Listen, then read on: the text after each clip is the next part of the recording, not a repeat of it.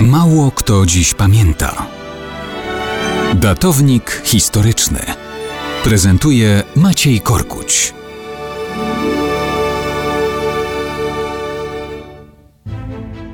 Mało kto dziś pamięta, że 3 stycznia 1920 roku, a więc równe 100 lat temu, rozpoczęła się w Inflantach polskich na północnym wschodzie operacja Zima. Nazwa była ze wszech miar zasadna. Panował siarczysty mróz, a dźwina przepływająca przez Dyneburg, główne miasto Inflant polskich, była pokryta solidną warstwą lodu. Bolszewicy opanowali i zamierzali utrzymać również tę część dawnego imperium carów.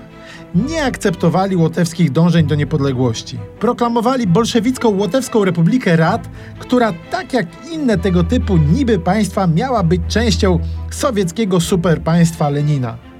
Łotysze potrzebowali pomocy i choć długo obawiali się, że Polska będzie chciała zająć rejon Dyneburga dla siebie, w końcu w 1919 roku doszło do porozumienia. Polska sformowała pod dowództwem generała Edwarda Rydza Śmigłego grupę operacyjną. 30 tysięcy żołnierzy Wojska Polskiego, 25 naszych czołgów i 10 tysięcy łotewskich żołnierzy. Wszyscy wspólnie mieli uderzyć na bolszewików. 3 stycznia 1920. Minus 25 stopni Celsjusza. Wojska polskie forsują zamarzniętą dźwinę. Bolszewicy stawiają zacięty opór. Inne polskie jednostki blokują od wschodu możliwość bolszewickiej odsieczy. Mimo, że lud załamuje się pod częścią polskich baterii artyleryjskich, ofensywa przynosi spektakularne zwycięstwo. Dyneburg i Inflanty są wolne.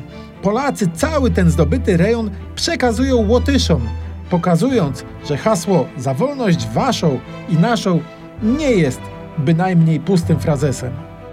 I tak operacja pod nazwą Zima stała się podstawą serdecznych i naprawdę gorących stosunków polsko-łotewskich.